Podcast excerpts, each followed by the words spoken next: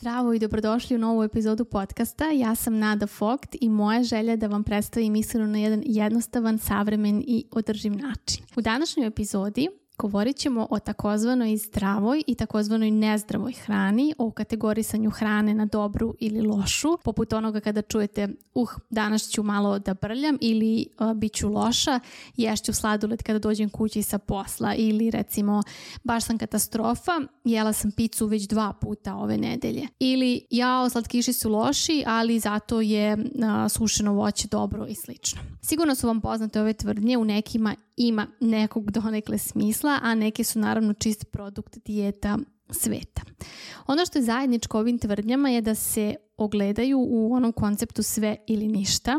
Dakle, uzme se određena namirnica i ona se kategoriše isključivo kao loša ili isključivo kao dobra. Jednostavno nema onog između. I uvek se onda tačno za svaku namirnicu uvek postoji neka jasno definisana kategorija da li je ta namirnica dobra ili loša.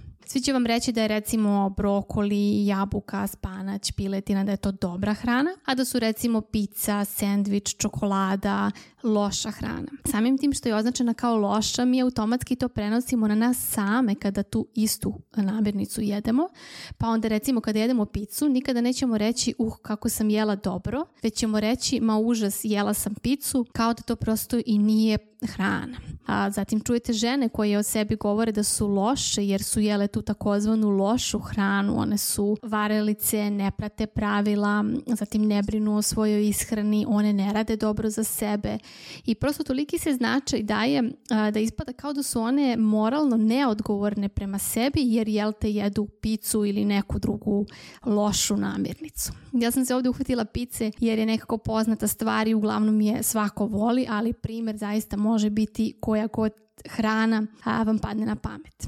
I šta je zapravo prva pomisao kada kažete pizza? Komila sira, testa, jaka hrana i za pomišljanje onda mnogih to nikako nije dobro.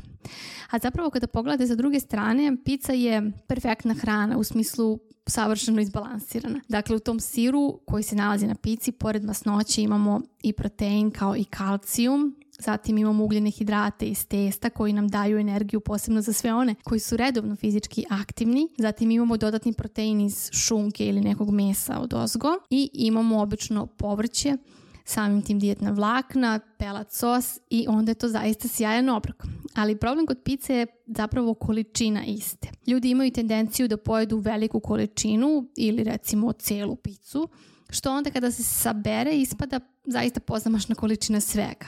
I samo da budem jasnija, ja govorim ovde o pravoj italijanskoj kvalitetnoj pici, ne mislim na one pice sa onim gumenim testom koje spremaju sa onim takozvanim pizza sirom i pizza šunkom.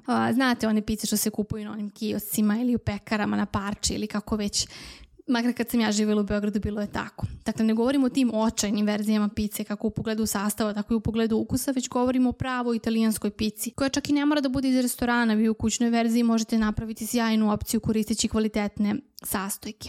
Dakle, po ovim karakteristikama pizza zaista zadovoljava određene kriterijume koji jesu važni u pravilnoj ishrani poput toga da ima protein, ima ugljeni hidrat, ima masnoće, može uglavnom imati i neko povrće i onda je još idealno ako se jede recimo u kombinaciji sa nekom salatom, o čemu ćemo kasnije i pritom a, kao dodatno važan aspekt ukusna je i pruža zadovoljstvo tim ukusom. Ali nekako ljudi su kondicionirani da picu doživljavaju kao nešto što nije dobra hrana, što bi recimo kada bi sve što jedemo bila samo pizza svaki dan po ceo dan, svakako ono da u tom kontekstu to ne bi bilo zdravo. Ne bi moglo da se kaže da je pravilna ishrana. I to samo zato što su našem telu potrebni raznovrsni sastojci nutrijenti, ne postoji pojedinačna namirnica ili obrok koji tu svrhu može da ispuni samo po sebi. To je isto kao kada bi neko jeo samo jabuke ceo dan. Jabuka je recimo u kategoriji zdrave namirnice, ali ako samo to jedete, onda to, to onda nije zdrava ishrana. I kada bi se zaustavili desetoro ljudi na ulici i pitali ih šta je zdrava ishrana, svi bi vam dali različite odgovore. A kada smo kod pojmova zdrava i nezdrava ishrana, postoje neka istraživanja koje su pokazala da će ljudi ređe jesti hranu koja je označena kao zdrava, jer taj pojam vezuju za neukusnu hranu ili za hranu pripremljenu na način da bude neukusna, poput recimo, ne znam, barena, piletina i brokoli bez ičega. A ujedno ljudi ne vole da im se govori šta treba da jedu, to je ta autonomija koja je prirodan deo svakog ljudskog bića. I evo vam jedan primjer. Neko kaže, recimo ja ne volim jedan krastavac, a onda će mu neko na to odgovoriti ja pa kako, krastavac je baš zdrava namirnica. Kao da je to sada a, samo zato što je krastavac zdrav, nutritivno kvalitetna namirnica, automatski osoba mora da voli tu namirnicu. Tako da u prevodu ne morate da jedete nešto samo zato što je zdrav. Što nas ovde dovodi do toga da ne postoji zdrava ili nezdrava namirnica, dobra ili loša namirnica, može postojati samo zdrava ili nezdrava ishrana. Ako biste recimo jeli samo piletinu i brokoli sve vreme, to bi bio primer nezdrave ishrane, iako te namirnice same po sebi pojedinačno spadaju u nutritivno kvalitetne namirnice. Ali kada je jednolično i pritom praćeno nekim strahom od hrane i uopšte tim poremećenim odnosom, onda je sve samo nezdrava, to jest pravilna ishrana. Ili kada bi recimo ova osoba iz prethodnog primjera koja ne voli krastavac jela isti samo zato što je zdrav, to ne bi baš moglo da se kaže da je pravilna ishrana, normalna ishrana jer je isključen taj efekat zadovoljstva. Sasvim je logično kada jedete nešto što ne volite da ne osjećate zadovoljstvo i to onda vas već odaljava od tog trenutka kada treba da uživate u onome što jedete tog važnog aspekta a, pravilne ishrane. Isto tako, možete imati dijetu gdje jedete recimo samo kinovu i kelj, ali ako jedete preko svojih potreba, ugojit ćete se. Ako jedete ispod svojih potreba uh, u nedovoljnoj količini, isto tako neće biti zdrava ishrana jer ne zadovoljava vaše dnevne potrebe.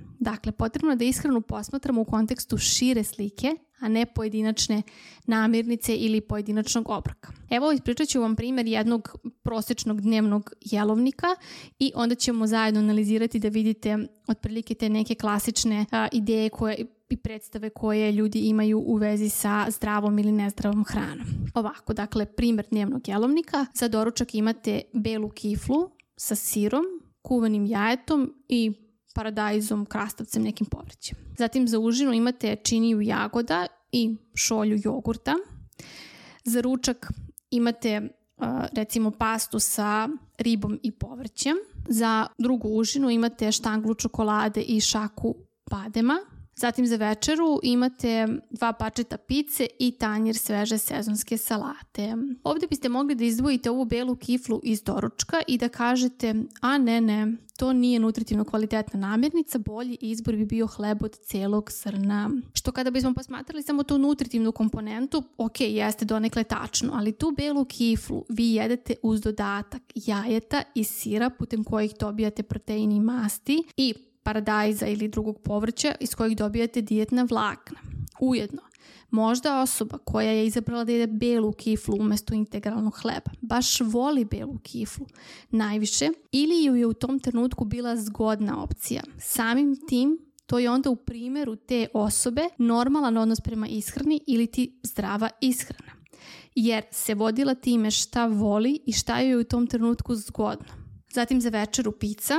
Užas možeš misliti kako je to loše, a nije jer to nije jedino što ta osoba jede tokom dana. Uz tu picu ona će pojesti i dodatno povrće, dodatna dijetna vlakna i u ostalom tokom celog dana je jela raznovrsno i samim tim nema razloga za bilo kako kategorisanje ovakvog dana kao lošeg dana. Ali u stvari je u tome da će većina ljudi, kada biste im pokazali ovaj predlog dnevnog plana, reći jo, ma vidi ovo, bela kifla, čokolada, pizza, neko će komentarisati pastu za ručak. To će biti po nekom automatizmu ljudima kao neki alarm da ovo nije primer zdrave ishrane. A ista ta osoba koja će komentarisati da ovo nije dobar plan ishrane je ona koja je sklona da ide iz ekstrema u ekstrem, a to je da ili kada jede picu, ne jede je u optimalnoj količini uz recimo dodatak povrća, već pojede cijelu picu, ili u fazi kada uopšte ne jede picu. I onda je normalno da će ta osoba koja nema izgrađen odnos prema jedenju te takozvane nezdrave hrane uvijek imati takozvani problem sa tom hranom jer je stavlja u kategoriju dobre ili loše čim počnete određene hrani da dajete epitet dobra ili loša, automatski se uvlačite u začarani ciklus. I ovdje ne usporavamo činjenicu da postoje namirnice koje jesu nutritivno kvalitetne i one koje su manje, ali to ne znači da te koje nisu nutritivno kvalitetne nikako ne mogu da budu deo pravilne ishrane. Treba samo da znate da ih uklopite u svoju ishranu i da naučite da ih jedete u optimalnim količinama, a to ćete jedino i moći da naučite ako iste uključite i dozvolite sebi da ih jedete redovno onoliko koliko je shodno vašim potrebama i koliko vam se jede. Kada to probate sa namirnicama koje ste sebi uskraćivali ili koje kada jedete uvek imate tog policajca u glavi koji vam govori pa nije ti ovo baš trebalo, u početku kada počnete da se izlažete toj hrani imat ćete utisak da vam nije dosta i da se nikada nećete zadovoljiti isto. Ali to je samo privremeno. Pa i kada nekog držite recimo pod vodom i kada izrni ta osoba će ubrzano disati i ne bi li dobila što više kiselnika, tako i sa hranom. Što je veća zabrana, to će vam veća želja za unosom iste biti. Dobra taktika je da date sebi dozvolu da samo tu jednu namirnicu postepeno uvoditi. Evo, uzmimo za primjer sladoled. Sada je leto i to je na neki način aktualna namirnica, premda realno i zimi se jednako jede. Volite sladoled i sebi ga ili skroz uskraćujete ili ako ga povremeno dozvolite osjećate se loše što ga uopšte jedete jer kako ne možete da mu odolite bla bla bla. Probajte recimo da samo par dana ne jedete ništa drugo sem sladoleda. Dakle, doručak, ručak, večera, užine, sladoled.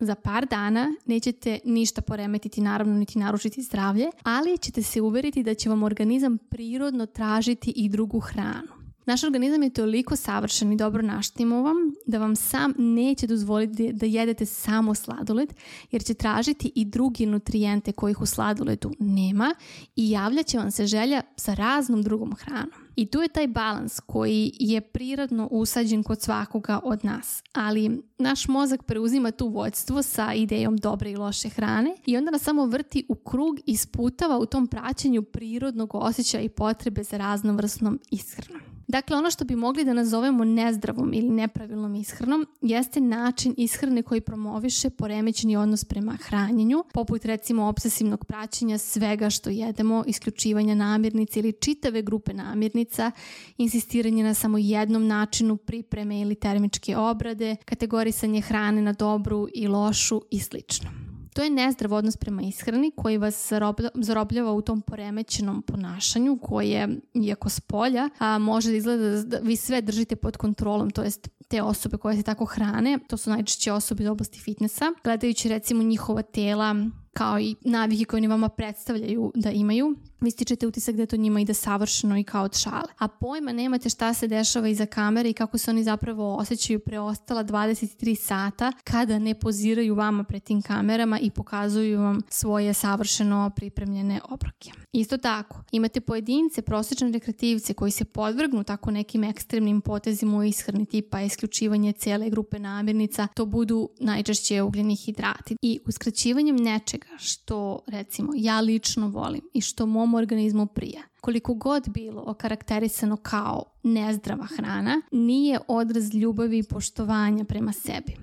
Ako neko kaže da sladoled nije zdrava hrana i da je bolje da uvijek jedem voće umjesto toga. I ja se vodim slepo tom idejom i svaki put sebe prisiljavam da jedem voće iako bi mi nekada baš samo sladoled prijao, to je primjer kako ja ne uvažavam sebe i svoje potrebe. I ovdje opet da napomenem, ne govorimo o tome jedi samo sladoled, sladoled ima iste nutritivne vrednosti kao i voće. Ovdje govorimo o normalnom jedenju gdje ćeš nekada kada ti se jede sladoled baš isti i pojesti, a nekada ti se neće jesti sladoled već upravo baš samo voće i onda ćeš voće i pojesti. Klasičan komentar onih koji su pali s Marsa, ja u šali tako kažem za svi oni koji su zarobljeni u tom dijeta sve, svetu, a da nisu uopšte ni svesni, njihov komentar bi bio pa ja kada bih tako mislila ja bih onda samo sladoled uvek jela. I moguće je da bi, posebno kada bi bila zarobljena u tom dijeta mindsetu sa verovanjem da je taj sladoled loš, onda bi ga naravno jela i kada ti se jede i kada ti se ne jede, jer si u tom začaranom krugu. Ali ako skineš etiketu sa hrane, imat ćeš priliku da osjetiš šta zaista znači balans i mera i uvidjet ćeš kako zaista možeš da je imaš i ti. Zabranjeno voće je najslađe. To ne zaboravite. Evo jednog zadatka. Izaberite recimo pet namirnica koje volite, a sebi ih na neki način uskraćujete ili jednostavno limitirate unos. Zapišite na papir i onda zapišite zašto tačno ih zabranjujete. Šta tačno nije dobro sa istima ali baš napišite ono što vi verujete da jeste. I vidjet ćete dok to radite, posebno ako već duže slušate podcast i sve ono o čemu govorim, koliko ćete i sami uvidjeti koliko su te zabrane zapravo besmislene. Jer uvijek postoji način da se sve uklopi u vašu ishranu. I uvijek imajte na umu da ne postoji niti jedna namirnica kao niti jedan pojedinačan obrok koji može da utiče štetno na zdravlje na bilo koji način. Dokle god balansirate, imate raznovrsnu ishranu, od svega pomalo. Nemate čega da se plašite i oko čega da brinete. Ako za doručak svoj sendvič napravite sa belim hlebom umjesto sa hlebom od cijelog zrna, to nije razlog za brigu.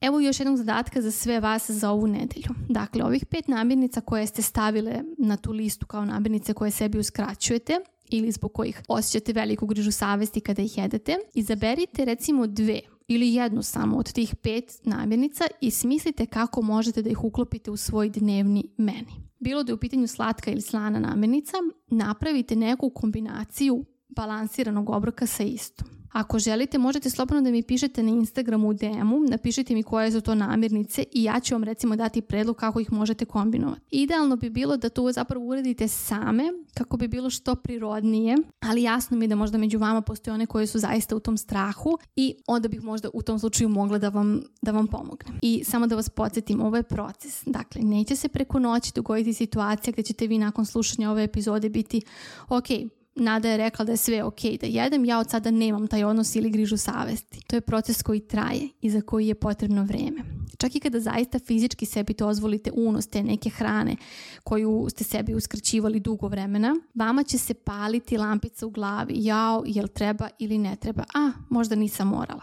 Ali samo se ne palite vi na to, već znate zašto nešto radite i sa kojom svrhom. A onda ćete svojim iskustvom uvidjeti da je stvarno sve ok i kada pojedeš to nešto što si sebi uskraćivala i kada u jednom momentu istinski počneš da veruješ da je ok, potreba za pretaranom količinom istog će također nestati. Pričala sam već o ovome u ranijim epizodama, ali zaista to tako funkcioniše. Kada kreneš iz perspektive nege i brige o sebi i poštovanja sebe i svojih potreba, a ne praćenja šta je tamo neka x osoba sa Instagrama rekla, osjetit ćeš kako ti je tvoj organizam najbolji prijatelj i kako možeš da se osloniš na samu sebe. To bi bilo sve za ovu epizodu. Nadam se da vam je epizoda koristila, makar neki savjet iz iste. Ukoliko imate nekih pitanja, predloga, nejasnoća, pišite mi slobodno bilo na mail ili na Instagramu u DM. to mogu biti odlične nove ideje za nove podcast epizode, jer na taj način mogu da bolje uvidim šta je tačno to što vas zanima, što vas buni, što vam nije jasno ili o čemu prosto želite više da znate. Tako da budite slobodni da mi pišite vaše utiske, komentare, šta god. Pozdravljam vas, želim vam divnu i produktivnu nedelju i čujemo se naredne nedelje.